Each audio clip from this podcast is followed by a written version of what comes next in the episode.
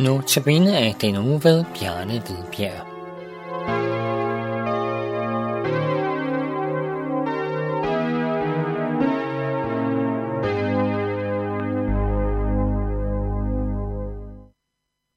Jeg har for nylig understreget en sætning i min bibel. Det er i Apostlenes Gerninger kapitel 8, vers 30b, hvor der står, Forstår du også det, du læser? Det er en af de til stadighed udfordrende sætninger. Jeg var ikke så skrab i skolens dansk undervisning, men grunden til mange af de ting, jeg siden har arbejdet med, blev lært dengang. Også det, at en tekst først er forstået, når man forstår betydningen af den. Teksten sættes ind i en sammenhæng, hvor den giver mening. Måske kan du huske, hvad apostlenes gerninger handler om. Fra vers 26 er det om Filip og den etiopiske hofmand. Etiopiens dronnings fornemmeste hofmand, Kandaka, som forvaltede alle hendes skatte. Landet Etiopien, som omtales, er cirka det samme landområde i Afrika, som endnu kendes under navnet Etiopien.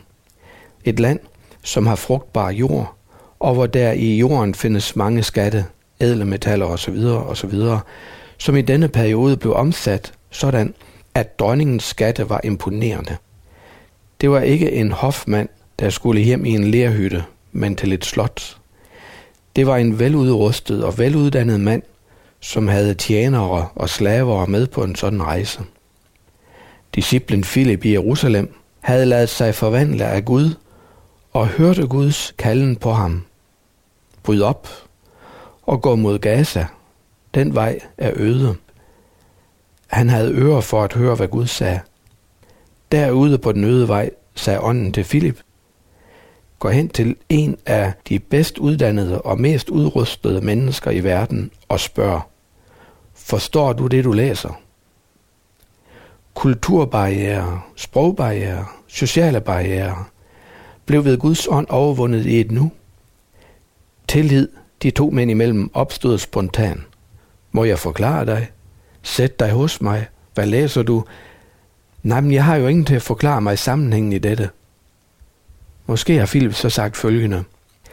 De begivenheder, du i år har oplevet i Jerusalem, er, som du sikkert ved, meget anderledes end det tidligere har været, fordi det Esajas her skriver om, som et får, der føres til slagtning, det er det, vi har oplevet med Jesus fra Nazareth.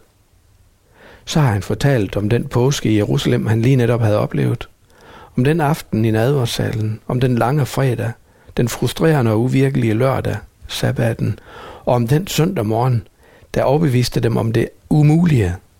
Døde kan ikke opstå. Om de helt anderledes dage sammen med Jesus efter dette, som kulminerede med himmelfarten og dens befaling. Lad os bede. Vi beder dig, Gud Helligånd, kast lys på ordet for os. Amen.